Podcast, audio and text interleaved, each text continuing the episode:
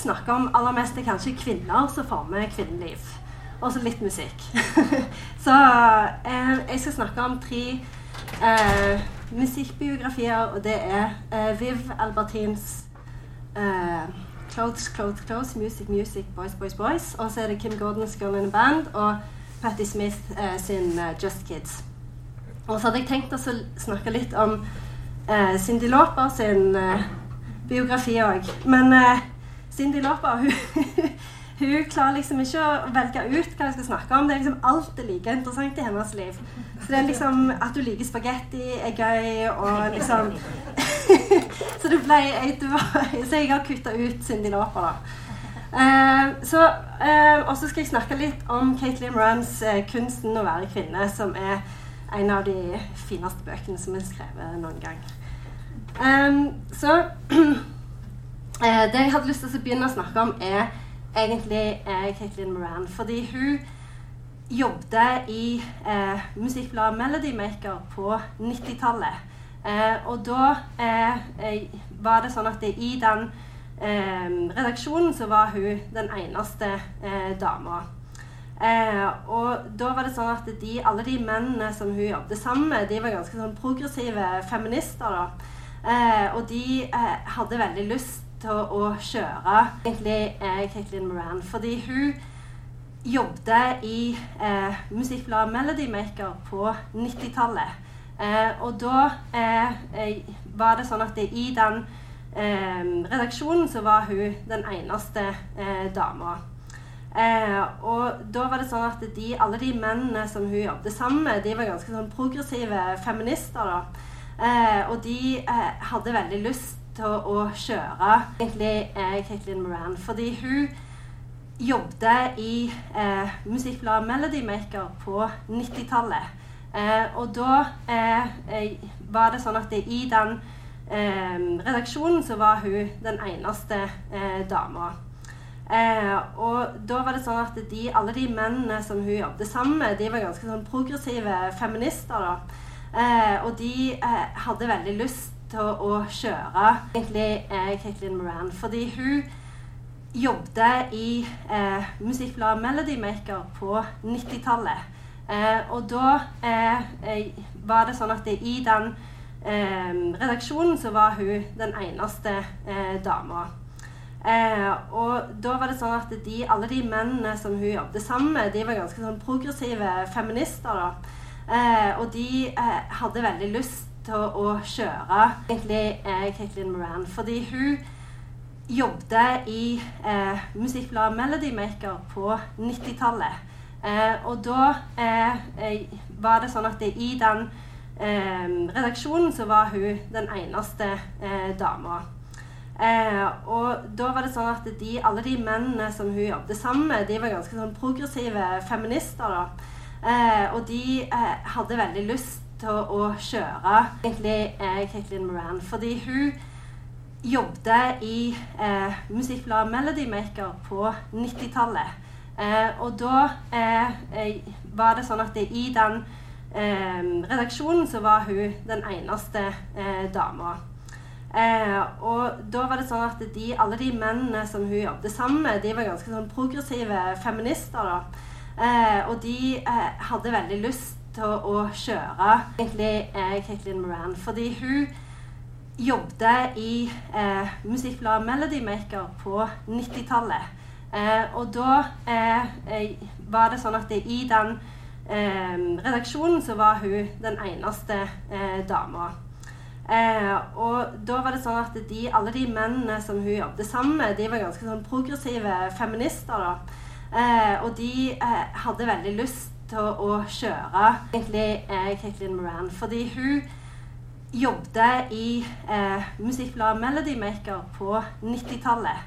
Eh, og da eh, eh, var det sånn at det, i den eh, redaksjonen så var hun den eneste dama.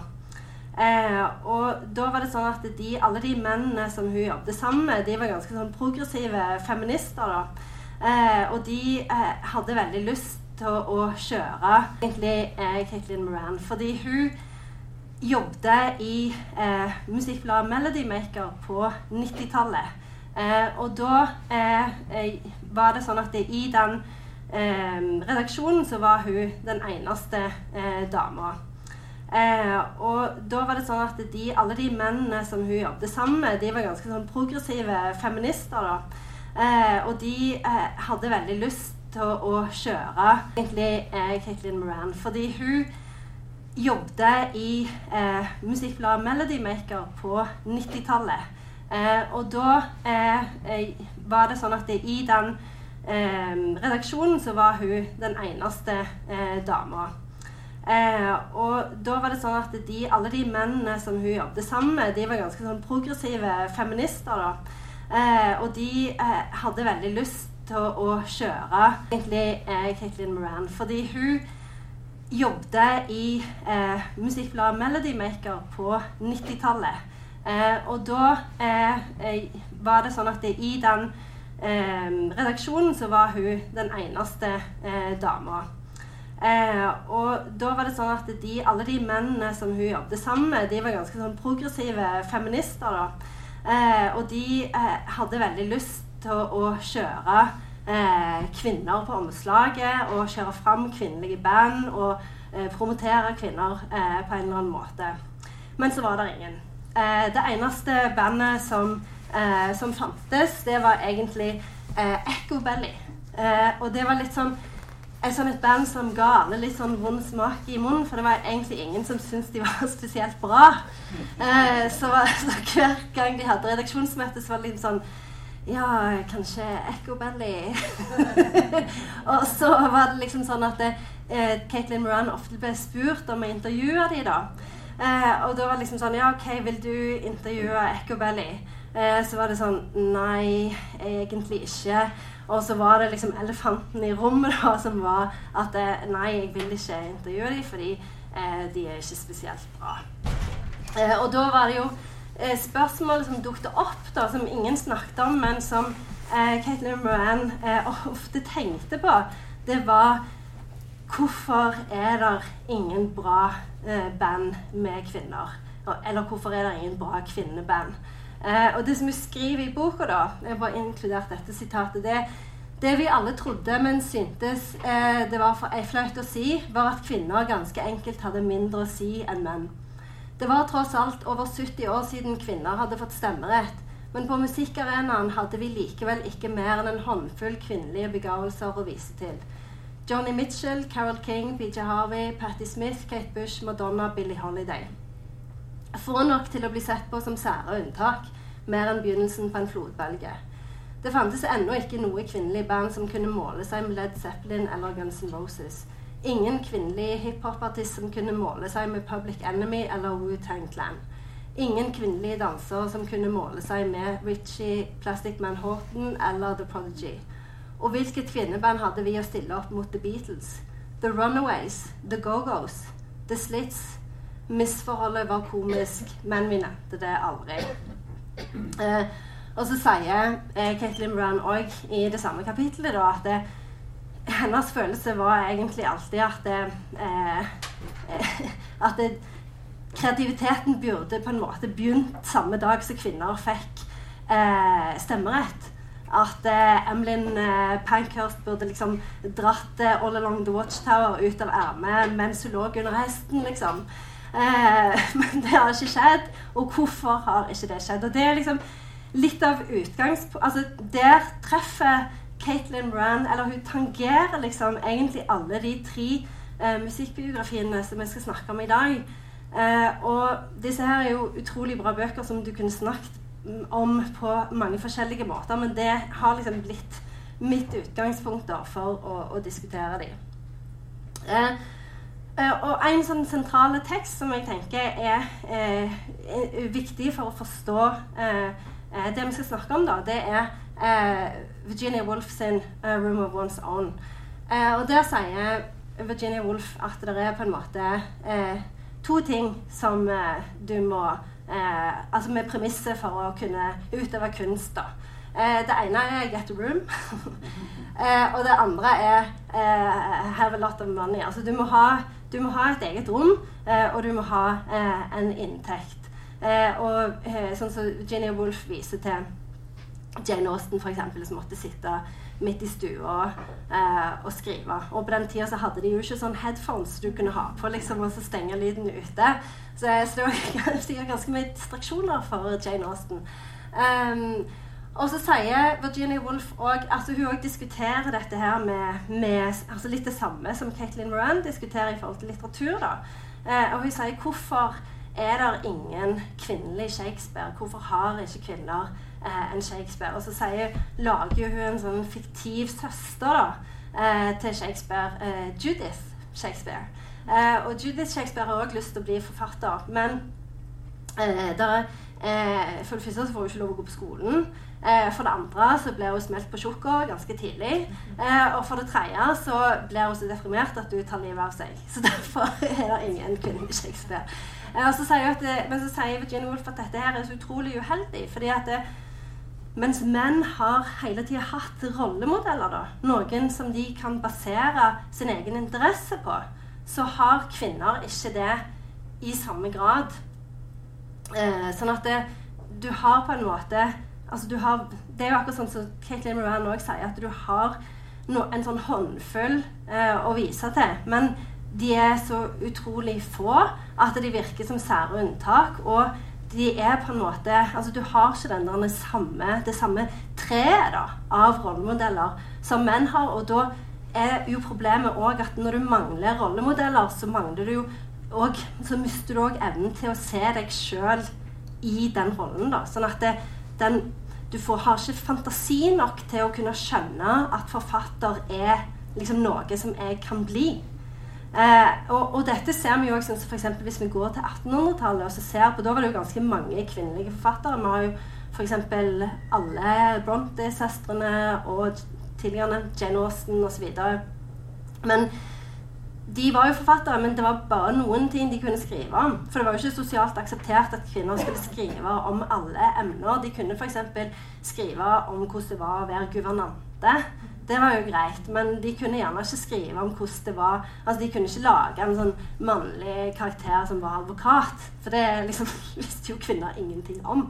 Så det, så det er liksom det med å på en måte ha fantasi nok til å skjønne at du kan bli noe, da som, som, som Virginia Woolf eh, klager over at kvinner mangler. Um, og så eh, kommer vi Ja. Eh, så løsningen, da, for eh, Virginia Woolf, det er å, å drepe denne her eh, internaliserte eh, stemmen som sier hva du kan gjøre, og hva du ikke kan gjøre.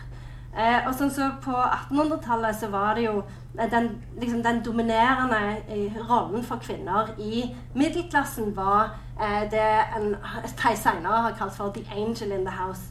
Og 'The Angel in the House' er utrolig interessant, fordi at det, det er jo en sånn en, eh, altså På utsida så er det jo en slags sånn kvinne eh, et sånn kvinneideal som sier at kvinner skal på en måte ordne alt for alle. At de skal flyte liksom rundt som en, som en engel i huset, og så lage til mat og liksom ordne til sånn at alt ligger til rette for alle andre.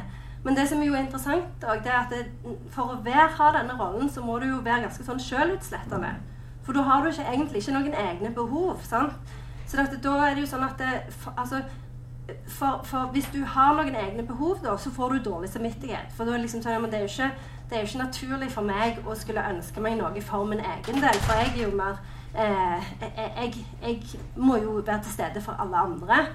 Eh, og det var jo en sånn en, eh, et sånn et ideal da, som, som, som Virginia Woolf òg følte at hun hadde internalisert, og som hun sa at hun måtte drepe, ta livet av, for å kunne skrive. For å kunne se på seg sjøl som forfatter, og ikke som kvinnelig forfatter. Eh, og samme har vi på 50-tallet. Eh, eh, da kaller jeg kaller det 'the feminine mystique'. da. Eh, for det, På 50-tallet så var det jo òg eh, en, sånn, en veldig sånn stort fokus på eh, at kvinner skulle ikke ha andre ønsker enn å være i heimen. da. Eh, og da er det jo Betty Frieden, som var utdanna på Smith College, hun skrev eh, ei bok fordi at det, hun kjente veldig mange som hadde tatt utdannelse, men som etter at de hadde tatt utdannelse og gifta seg, eh, bare ble hjemmeværende. Og hvorfor ble de det? Altså, det var jo fordi at de ble fortalt at dette var det de burde ønske seg. Og da internaliserte de jo dette. Eh, sånn at da eh, sa Betty Frieden at det dukka opp det som hun kalte 'the problem without a name'. Uh, som er liksom denne her følelsen av ubehag, fordi at du kanskje ønsker noe annet, men du vet ikke helt hva det er. Uh, så det, så det, det, altså det, problemet er på en måte ikke grensene som eksisterer på utsida, eller det er ikke bare det. Problemet er i stor grad de grensene som du setter for deg sjøl på innsida. Eh, og det er noe også som Moran skriver om at men stemmerett er ikke det samme som ekte likestilling. Glasstaket er vanskelig å se fordi det er av glass. Praktisk talt usynlig. Det vi trenger, er flere fugler som flyr over det og driter på det, sånn at vi kan se det ordentlig. Eh, og det gjelder ikke bare altså Det gjelder liksom både på innsida og utsida. Um, og det eh, bringer meg over eh, Ja, nei, ja, så én ting til. Eh, Caitlin Rann. Altså, hun sier at det, det spørsmålet som, som, som, fremdeles dukker opp, da, det er hvor er egentlig beviset på at kvinner og menn er likeverdige. Og den stemmen fins ikke bare inni menn, den er inni kvinner òg. For selv den mest entusiastiske kvinnehistorikeren, mannlig eller kvinnelig, som snakker om stammematriarkene i Amazonas eller om Kleopatra, kan ikke underslå at kvinner stort sett har gjort null niks de siste 100 000 årene.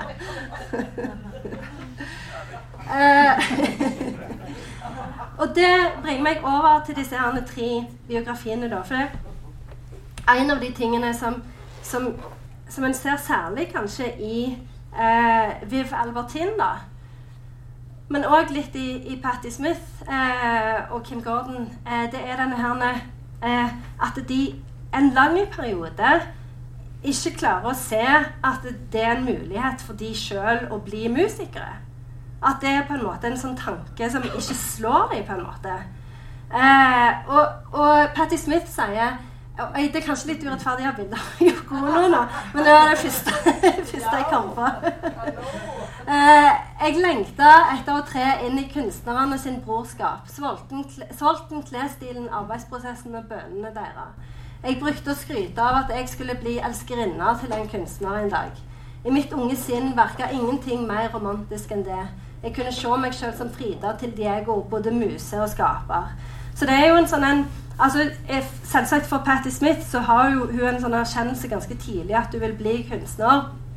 Men samtidig så er det en sånn en Altså, det er en sånn en eh, en sånn en mangel på, på, på innsikt òg hos henne. Altså en sånn mangel på, på, en måte um, forståelse av at selvsagt skal jeg bli musiker, selvsagt skal jeg bli kunstner. Uh, og, og, den der følelsen av at det, uh, det høyeste du kan oppnå, er på en måte å bli elskerinna til en forrektig kunstner. Ja, det, det, det, tror jeg altså Der har du på en måte denne her mangelen på fantasi, da, som kommer av mangelen på rollemodeller. Eh, og det samme ser en i, i Viv Albertin. Hun kjæreste med både den ene og den andre i The Clash. Og, men, men, liksom, men, men hun ser ikke liksom at hun kan bli musiker sjøl, selv, selv om hun er kjempeinteressert i musikk. Og musikk er en sånn utrolig stor del av livet hennes. Hun går på alle konsertene og bare lever og ånder for denne musikken. Så kommer den der innsikten i at selvsagt kan jeg bli musiker. Den kommer veldig seint. Uh, og ja, som sagt, beklager det med Yoko Ono. Det er utrolig interessant. Egentlig så kunne, kunne vi òg hatt en sånn samtale om betydningen av John Lennon og Yoko Ono. For dette alle disse her pluss Cindy Lauper uh, snakker enormt mye om betydningen av de som rollemodeller. Så det er faktisk veldig interessant. Og det er jo i hvert fall interessant siden Yoko Ono er et sånn veldig problematisk navn. Jeg husker Under oppveksten min så hata jeg Yoko Ono. Så jeg eh, vet ikke helt hvorfor, men jeg tror det var Foreldrene mine tror jeg snakket veldig mye negativt om altså interessant mye negativt om Yoko Ono. Så, så det, det, men det får bli til en annen gang. Og til og med Caitlin Moran til og med Caitlin Moran klarte ikke å se for seg at hun kunne altså Nå er jo ikke hun musiker, hun var jo musikkjournalist og er jo skribent. Men hun òg var litt sånn gira på å bli elskerinnen til eh, en, en, musiker eller musen, eller i hvert fall at de skulle skrive eh, en, en sang om henne, eller at hun kunne inspirere dem på et eller annet vis. Eh, og det forteller liksom om at du var ute og var dritings og liksom prøvde å mase seg til at folk skulle skrive en sang om henne. Og så sier hun ikke bare 'jeg er en fiasko som muse', tenkte jeg trist for meg selv på 18-årsdagen min, mens jeg så utover en verden som ikke på noe vis var inspirert av meg. Jeg er ingen prinsesse, jeg er ingen muse. Hvis jeg skal forandre verden, blir det ikke ved å støtte kampen mot landminer i Førtiara eller, eller ved å være inspirasjon til det neste revolveralbumet. Det er ikke nok å bare være meg. Jeg blir nødt til å gjøre noe isteden. Og den formuleringen er så utrolig fin, for det er liksom forskjellen på å bare være meg og faktisk gjøre noe. Eh, og jeg tror kanskje dette foredraget er litt sånn at det kommer litt ut av min egen bitterhet og at jeg aldri har spilt i band. Og det erkjenner jeg åpent. Men det er liksom det der med å innse at, du liksom, at du ikke bare er, men at du handler òg. Og det er så utrolig tydelig i bøk, alle disse tre bøkene. Um, og sånn så Hvis en ser på Kim Gordon, da, så har hun en sånn veldig fin uh, ja, en sånn veldig fine, uh, et sånn veldig fint avsnitt hvor hun sier I remember staring endlessly at the books lining the walls of my dad's study as a little girl. I didn't know what sociologists did, but the books had titles like Men and Their Work. What did that even mean? Obviously, men and boys spent time, most of it in fact, engaged in an activity known as work. Keller, for example, had his rock collection, erector set, and assorted other boy passions.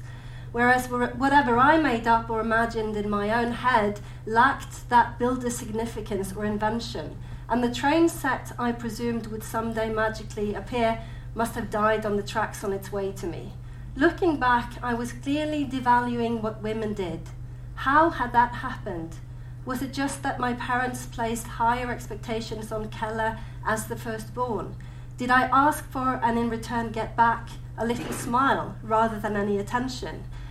Og det er så utrolig interessant det der med at gutter på en måte har interesser som er viktige, på en måte, mens jenter bare holder på med ting. Eh, og det er jo noe som òg eh, Patti Smith snakker om indirekte. Eh, eh, F.eks.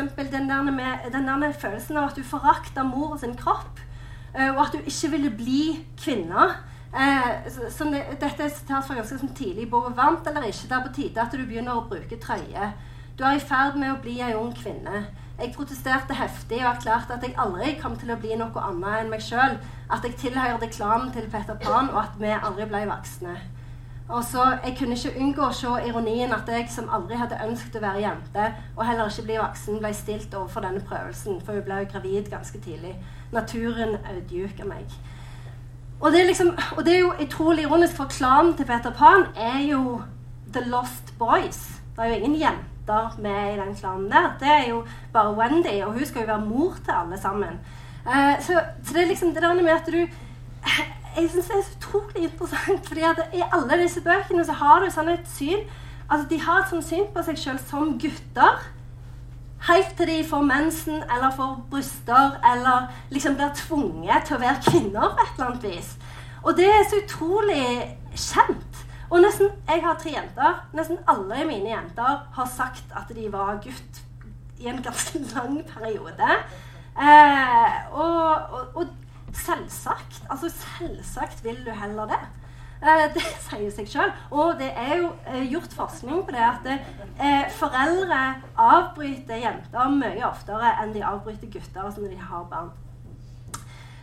Så, så det er liksom den der, den der motviljen mot å være jente, da, er påtagelig i alle disse tre bøkene. og det er jo utrolig fascinerende. Og så kommer det jo et sånt et punkt da, eh, hvor de innser at de har lyst til å bli musikere. Eh, og for Patti Smith så kommer jo det Og Jim Morrison ser så utrolig kul ut for det bildet. I might add. Eh, for henne kommer det jo når hun er på sånn Doors-konserter. Eh, og så eh, alle, liksom Etter konserten så er alle sånn 'Å, Jim Morrison var så utrolig bra. Helt fantastisk. Og han er Gud.' og sånn. Men for så var det mer sånn Dette er noe jeg kan gjøre. det var liksom innsikten hun fikk. Det var den oppvåkningen som hun fikk på den Doors-konserten. Eh, og da er det jo sånn at eh, eh, Hun tør jo ikke si det, da. For det er jo så utrolig skamfullt å tenke at hun kan gjøre det. Så da blir det jo typisk sånn Å, jeg, eh, jeg må ikke si det til noen, og dette må skje i all hemmelighet. Og det samme skjer med eh, Velbertin når hun er på Sex Pistols-konsert. Og de er jo ganske dårlige å spille gitar, sånn, så det er sikkert litt av grunnen til at hun tenker at dette er jo lett. Men det er liksom det med innsikten, da. Altså De får en sånn oppvåkning på konsert med gutteband, selvsagt. Um, og, um, og så har du Kim Gordon, da. Uh, og hennes vei er litt sånn annerledes enn deres. Uh, for hun Det som på en måte driver hun litt inn i dette bandlivet, da, det er at hun vil ha en sånn del i det der brorskap, eller den der bromance, uh, guttevennskap-greia. Uh, så hun sier sånn Guys play music. I loved music. I wanted to push up close to whatever it was men felt when they were together on stage. To try to ink in that invisible thing. It wasn't sexual, but it wasn't unsexual either. Distance mattered in male friendships. One on one, men often had little to say to one another. They found some closeness by focusing on a third thing that wasn't them music, video, games, golf, women. Male friendships were triangular in shape, and that allowed two men some version of intimacy. In retrospect, that's why I joined the band. So I could be inside that male dynamic, not staring in through a closed window, but looking out. Og det er så utrolig fint formulert, og hun skrev jo faktisk en oppgave om det på universitetet om liksom male friendship i band. da. Eh, og det er liksom den der eh, altså Sånn som så, eh, uh, Caitlin Ryan snakker om glasstaket. Og hun snakker om liksom at hun vil ikke stå på utsida eh, av dette her vinduet, da. men stå inne i huset og se ut. Og det oppsummerer Det er så utrolig fint, for det er liksom ikke det Det er jo ikke det liksom problemet er jo ikke at menn hater kvinner og ikke vil la dem få bli med i band. Problemet er jo at du altså den, Det må jo komme innenfra. Sant? Du må klare å visualisere at dette er noe som, som jeg vil. Eh, og, det, det, og, det oppvåkningsøyeblikket da, eh, for alle disse kvinnene er så utrolig eh, fascinerende. da. Um, og sånn som så, eh, Caitlin Moran hun, hun eh, siterer ei som eh, en feminist som heter Judy Birchill. Og hun sier eh, på 70-tallet da eh, En jente i skjørt med gitar ser underlig ut, som en hund på sykkel. Veldig underlig. Det er ikke til å komme forbi. Eh, og det er jo veldig interessant når Viv Albertin begynner å lære seg gitar og skal liksom spille gitar på scenen med The Slits. da så er jo liksom sånn, Hvordan ser du egentlig ut når du spiller gitar med skjørt? Vi hadde aldri sett noe sånt før, så hun må liksom finne Hun har ingen kvinnelige rollemodeller som hun på en måte kan basere seg på, som har spilt gitar. da. Og så har hun ikke lyst til å drive med sånne hoftebevegelser som, som de, de, mennene hun kjenner, holder på med, for det føles ikke naturlig for hun. Så det er liksom bare det å finne en måte å stå på scenen og spille gitar er liksom er noe som du må overkomme, da. Eh, og, og, det er utrolig interessant når du skriver liksom, om på en måte hvordan det Slits ble liksom, hvordan, de, altså, hvordan de fant sitt eget uttrykk på scenen, da, og bare hvor enormt stor utfordring det var. Når du ikke har noen rollemodeller, når du ikke har noen å se til. Det er utrolig fascinerende. Eh, og så eh, hadde jeg òg lyst til å snakke litt om Morrissey. Han er jo òg litt sånn som Cindy Lauper, at alt er interessant. Eh, særlig å snakke drit om jo Boy George eller liksom andre folk som man møter. Men han òg skriver faktisk litt om dette. Han skriver om Linda Sterling, da, som han ble kjent med på et ganske sånn tidlig eh, tidspunkt. Og han sier at eh, Linda had begun to release records with her band Ludus, singing of a reality that no one had thus far wished for. In the exploding Manchester scene, she was the only female, and although she fought with fire and sword to render the unreceptive receptive, she is overlooked. The music scene in Manchester is a dark thread of maleness. The Fall have a keyboard player who is female, but Linda walks the line alone as the hunter of non-permitted dreams. Uh, og Linda ble eh, Dette er fra en utstilling i Tyskland. Hun ble tydeligvis ganske stor i Tyskland. Eh, men i hvert fall så, så, er det liksom det der med eh, altså det, For det er jo ikke bare det å på en måte altså Problemet er jo ikke bare det å visualisere at du kan bli musiker, men det er det på en måte å, å, å bli på en måte godtatt da, som noe annet enn en kvinnelig musiker. Eh, og, og, og, dette er jo noe som altså Særlig The Slits. Eh, de får jo ikke, Når de er på turné, så får de jo ikke lov å spise frokost i frokostsalen fordi at de, de ser såpass eh, anarkistisk og rare ut. Og det er jo helt sånn sykt å lese den biografien, for det er jo sånn hun eh, Vokalisten ble jo angrepet med kniv på gata. Sånn, og virker det jo som det var ganske sånn røft punkemiljø i London på den tida. Men det er så utrolig interessant da, å se altså, hvor, hvor, annerledes de er, og hvor utrolig mye de skiller seg ut. da. Eh, og, og, dette er jo noe som Kim Gordon òg snakker om, det der med å være på scenen og være ei dame som er på scenen. Eh, og hun snakker om liksom, Det er jo det som er tittelen på, eh, på boka hennes òg, 'Girl in a Band'. Eh, og hun sier at since our music can be weird and dissonant, having me center stage also makes it that much easier to tell the band. Look, it's a girl, she's wearing a dress and she's with those guys, so things must be okay. But that's not how we had ever operated as an indie band, so I was also conscious not to be too much out in front.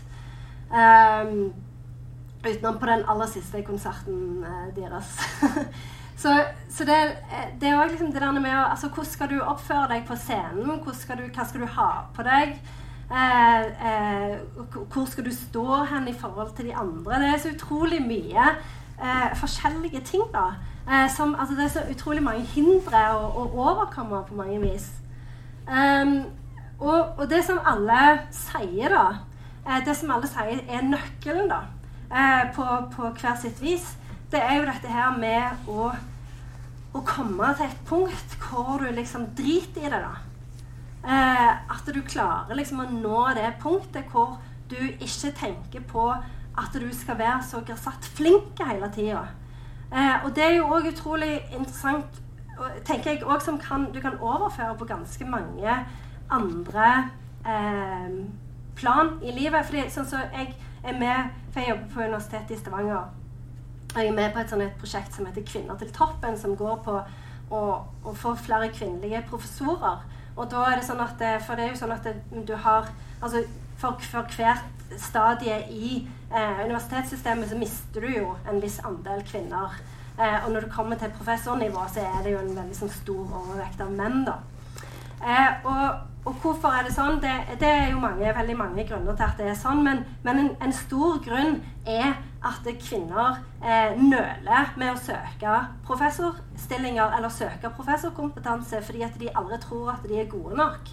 Sånn at du har en sånn en eh, Statistisk sett så søker menn mye tidligere. Eh, og Forrige uke så hadde vi et sånn et eh, veldig morsomt innlegg da, av en fyr som snakket litt om denne søknadsprosessen. Og da er det sånn at du søker gjerne om eh, en enhjørning. Det er det du vil ha til en stilling. Og så har du sånn søkermasse som består av ei gås og en katt og ei ku og en hest. da. For du, den enhjørningen fins jo ikke. Det er jo idealet, liksom. Og så har du dame, og det er en hest. Og hun er liksom sånn 'Å, jeg kan ikke søke, for jeg er jo ikke en enhjørning', liksom. Og veldig stressa og i skam fordi at du har søkt. Og så har du mannen, da, som er kua. Og mannen som er ku, han er liksom sånn Yes, ganske mye enhjørningkvaliteter her. Så denne jobben er min. Og det er så utrolig fascinerende, og det tenker jeg òg går litt igjen i disse biografiene. da. Uh, og sånn så uh, Kim Gordon sier For me, performing has a lot to do with being fearless. I wrote an article for Art Forum in the mid 80s that had a line in it that the rock critic Grail Marcus quoted a lot. People pay money to see others believe in themselves. Eh, og Det er òg noe som vi snakker om seinere i boka, når hun snakker om dette her eh, flink pike-syndromet, som vi pleier å kalle det. Eh, og da sier hun liksom det der med at hun har skrevet eh, den, eh, en sang som heter 'Little Trouble Girl' den handler liksom om dette her med at du, du, er, liksom at, det, at ingenting er noensinne god nok. Du er aldri god nok uh, Altså No woman can ever outrun what she has to do. No one can be all things. A mother, a good partner, a lover, as well as a competitor in the workplace. Og det er jo veldig interessant, for dette her, altså det er jo nesten som å lese Virginia Woolf snakke om 'Angel in the House'. Altså det er jo akkurat det samme. Eh, og dette er jo eh, ganske lenge etterpå. Uh, så, så, hun liksom snakker mye om dette her med 'being fearless'. Liksom. Og, og, og, og, når Kim Gordon er fearless, når hun er med i Sonic Youth, og når hun står på scenen i et skjørt og spiller ganske sånn utilgjengelig musikk, så er jo det utrolig viktig, for da er hun jo en rollemodell. Og da er jo noe som Å ja, men dette kan jo jeg gjøre, for hun er jo der oppe. Så det er jo ikke bare det at Sonic Youth blir liksom mer akseptable for et bredere publikum, men òg at jenter kan se liksom at det, Ja, men hun gjør det jo, da kan jeg òg. Og det sier jo Viv Albertin er mye av grunnen til at hun altså hun sier sånn Det er jo mange som liksom Jeg har ikke skrevet Eh, jeg har ikke skrevet denne boka for mannen som er interessert i punkmusikk og har lyst til å lese liksom, om Sex Pistols og, og The Clash. Eh, jeg har skrevet denne boka for den 16-årige jenta eh, som eh, har som, som, som, bør få vite at det er viktig å løsrive seg fra kulturelle og sosiale forventninger. Og hun sier jeg vil at unge jenter skal skjønne hvor ofte du må tryne for å bli noe her i livet. Jeg tror at menn og gutter utdannes i å tryne. Det gjør dem ingenting. De driver med sport og faller og hopper opp. Det går bra. Men jenter blir så uendelig flaue av å tryne. Det er som om man tenker at det er lite feminint. Og sånn så eh, eh, I dag så er det jo sånn at eh, at kvinner har jo eh, en enormt stor rolle innenfor popmusikk, f.eks. Eh, så, så eh, Caitlin Moran skriver om at i 2009 eh, var den første gangen det var flere kvinner enn menn på lista. Og da eh, og hun sier at liksom, i, i, dag så er det sånn at når du For hun jobber i, i The Times, da. Og hun sier at i dag så er det sånn at redaktørene liksom sitter og stønner sånn Herlighet, hva skal vi med alle disse mennene? Liksom, det er ingen som vil lese om dem. Eh, og, og, hun sier at mens liksom før Altså på 80-tallet så hadde du, hadde du bare eh, Madonna, da. Eh, og fra huset var Madonna en ganske sånn utilgjengelig eh, figur. Hun, hun, følte liksom at det, eh, Madonna det var så mye sånn ava-greier, og, og, hun tenkte at hvis hun hadde gått bort til Madonna og snakket med henne noen gang, så hadde Madonna vært litt mer sånn Jeg vil gå og flørte med Warren Beatty i stedet, i stedet for. Mens nå har du liksom Lady Gaga som, som snakker med fansen. Du har eh, Beyoncé som har store lår. Og så har du ja, Dette er Caitlin Moran sin ord. Og så har du Florence and the Machine, som har, har rødt hår. Liksom. Du har liksom helt, du har et, ganske sånn stort register med kvinner i popmusikken. da. Eh, men, men, eh, men, for Caitlin så er det viktig å liksom understreke at vi har jo ikke nådd det fordi om, har, fordi om, det er lettere og lett for kvinner å komme inn i, i popindustrien, så er det fremdeles eh, Vi har ikke nådd det punktet hvor vi skal være, da. Um, og, og, musikk er jo så utrolig viktig. altså Det er liksom så utrolig viktig for, for, for mange av oss da, til å liksom finne ut hvem vi er, egentlig. Uh, og Lavinia Greenlaw, som er lyriker, som har skrevet, hun har skrevet en sånn utrolig fin bok som heter 'The Importance of Music to Girls'. Og hun sier at det, liksom, For hun så var musikken helt avgjørende av for, for å forme identiteten. Og hun var jo litt sånn som liksom gikk kontinuerlig med gummistøvler i liksom tre år. Eh, og var litt sånn outsider, da. Eh, og hun sa at hun, hun, hun hadde veldig sånn store problemer med å finne ut liksom, hvem er jeg og hvor hører jeg til. For jeg hører ikke til Jeg, jeg finner liksom ikke meg sjøl i disse andre menneskene som er rundt meg. da. Og, og da, da, var jo musikken så utrolig viktig. Eh, og, og, og når hun hørte punkmusikk for første gang, så var det liksom bare en sånn vanvittig åpenbaring. Sånn, det, det, er jo der jeg er. Liksom, det er jo her jeg hører hjemme. Og hun sier at liksom, når, jeg, når, hun hørte Bob Dylans 'Nashville Skyline', så, så, så, så, tenkte hun endelig kunne jeg være stille. Noen andre laget min lyd for meg. Eh, og hun skriver om lyden som gjenspeiler sjøl, som vi kan finne oss sjøl i. Men da er det jo òg utrolig viktig at den lyden òg kommer fra kvinner. At den ikke bare kommer fra menn. da. Eh, og, og, og, det er det som er altså Det er det som jeg tror er på en måte eh, altså Det er det på en måte den sånn underskogen som en finner i alle disse tre bøkene. da. Eh, og, og, og, alle disse kvinnene skriver om hvordan de òg har klart å finne seg sjøl i sin musikk da, og i sin kunst. Uh, som Kim sier, at art and the practice of making art was the only space that was mine alone, where I could be anyone and do anything, where just by using my head and my hands I could cry or laugh or get pissed off. Add that to the pressure girls feel any way to please other people, to be good and well-mannered and orderly. Så musikk er jo altså musikk, Sånn som Virginia Woolf snakker om et eget rom. Musikken er jo et eget rom eh, hvor du faktisk kan finne, finne deg sjøl. Um, og, og, Derfor er det så utrolig viktig at det, at det ikke at det er både kvinner og, og menn som lager den musikken. Og, og Caitlin Moran avslutter boka si med å si at gjennom alle disse snublende, ydmykende, fantastiske årene trodde jeg at det ville være eh, trodde jeg at det jeg ville, var å være kvinne. Være en slags praktfull blanding av Jermaine Greer, Elizabeth Taylor, Ines Whitcourt, Love, Jilly Cooper og Lady Gaga klare å finne ut hvordan, hvordan, jeg kunne mestre alle disse mystiske kunstene som gjør en til kvinne, og til slutt blir et slags forheksende prakteksemplar av alt det som forvirret og tok pusten fra meg i begynnelsen.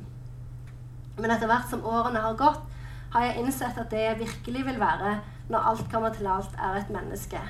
Bare et produktivt, ærlig og høflig behandlet menneske. En av gutta, men med skikkelig lekkert hår.